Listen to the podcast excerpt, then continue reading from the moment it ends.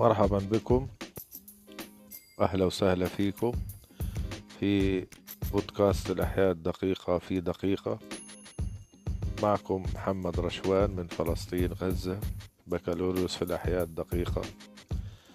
استعرضت معكم في الحلقة السابقة تاريخ الأحياء الدقيقة. وتكلمت عن العلماء الذين أسهموا في هذا العلم ليكون علما مستقلا بذاته. استعرضنا في الحلقة السابقة عن الافتراضات التي أدت إلى نشوء هذا العلم و إلى أن وصلنا إلى القرن السابع عشر واختراع المجهر على يد أنتوني فان ديفنهوك. وتحدثنا بعد ذلك عن كل الإسهامات في القرن السابع عشر والثامن عشر. اليوم سوف نبدأ هذه الحلقة بإكمال هذه السلسلة في القرن التاسع عشر. في القرن التاسع عشر زادت الإسهامات كثيرا وبكثرة. وأقول لكم أنني لا أستطيع أن أن أسرد كل هذه الإسهامات في القرن التاسع عشر في حلقة واحدة ولكن سوف أجزئها إلى جزئين. لنبدأ على بركة الله.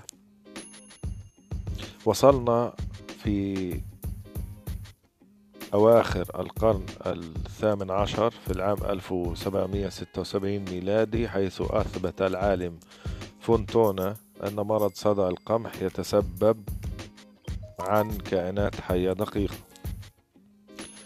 في القرن التاسع عشر وبداية القرن التاسع عشر أثبت العالم بريفوست الطبيعة المعدية لمرض التفحم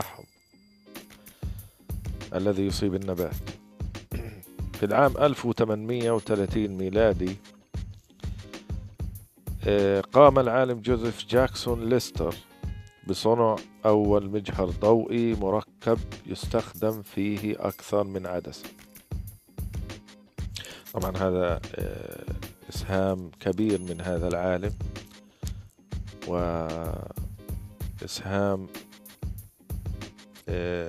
كان له دور كبير في هذا العلم. جوزيف جاكسون ليستر. تذكروا هذا الاسم. في العام 1834 ميلادي أي بعدها بأربع سنوات أشار هولمز العالم هولمز إلى علاقة الأحياء الدقيقة بالأمراض البشرية حيث أن حمى النفاس التي تصيب النساء بعد عملية أو أثناء عملية الولادة ناتجة عن إصابة الأم بأحد الكائنات الدقيقة. نأتي بعد ذلك إلى العام 1836 العالم أورستينو باسو. هو عالم يعتبر أول من أثبت بالدليل القاطع علاقة الكائنات الحية الدقيقة بإحداث المرض وذلك عندما أثبت أن أحد أمراض دودة القز ناشئ عن أحد الفطريات. طبعا إحنا بدنا نتفهم أن العلماء كانوا في ذلك العصر منقسمين إلى علماء يقوموا بتجارب على النبات وعلماء يقوموا بتجارب على البشر.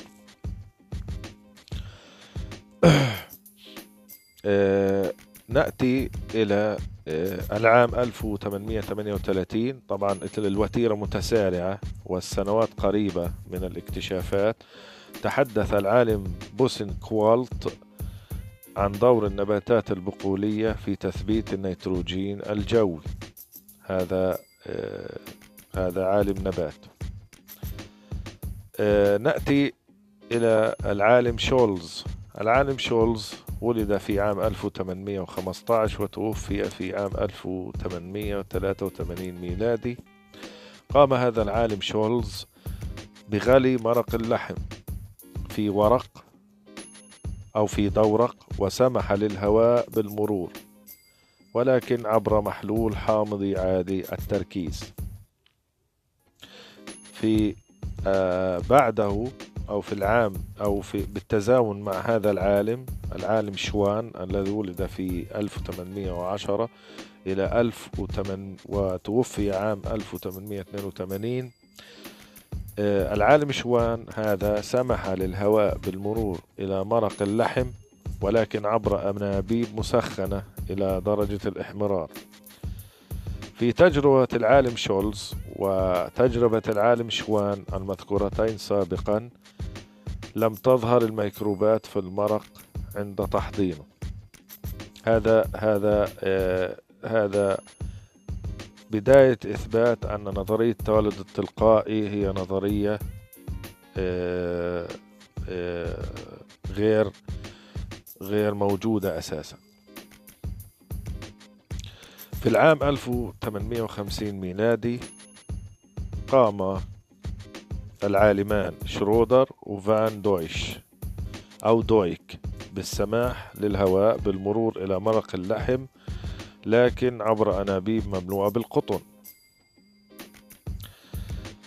في العام 1853 العالم الألماني أنتون ديباري وهو يعتبر الأب والمؤسس لعلم أمراض النبات أثبت العلاقة المرضية بين فطريات الصدأ والتفحم وأنسجة النبات حيث أثبت أن هناك علاقة بين أنسجة النبات وأن أن النبات تصيب أنسجته فطريات معينة تسبب له المرض. نأتي إلى العام 1858 ميلادي حيث أثبت العالم ليكمان أن العقد الجذرية في النباتات البقولية تنشأ بفعل أنواع خاصة من البكتيريا. نأتي بعدها أو في نفس السنة في عام 1858 ميلادي العالم جيرلاتش أو العالم جيرلك. على لفظين من أوائل هو أول من استخدم الصبغة لصبغ البكتيريا. أكتفي بهذا القدر. طبعا آه راح نستعرض آه باقي آه القرن المساهمات العلماء في القرن التاسع عشر في الحلقة القادمة إن شاء الله لكي لا نترك أي مساهمة من مساهمات هؤلاء العلماء تذهب سدى؟ لأنهم هم, هم من ساهموا في بناء هذا العلم وتأسيسه على ما هو عليه الآن. وذلك تقديرا تقديرا عفوا من هذا من مني لهؤلاء العلماء وإسهاماتهم. أشكركم شكرا جزيلا. على استماعكم وأرجو منكم دعمي على منصة باتريون حتى يستمر هذا البودكاست.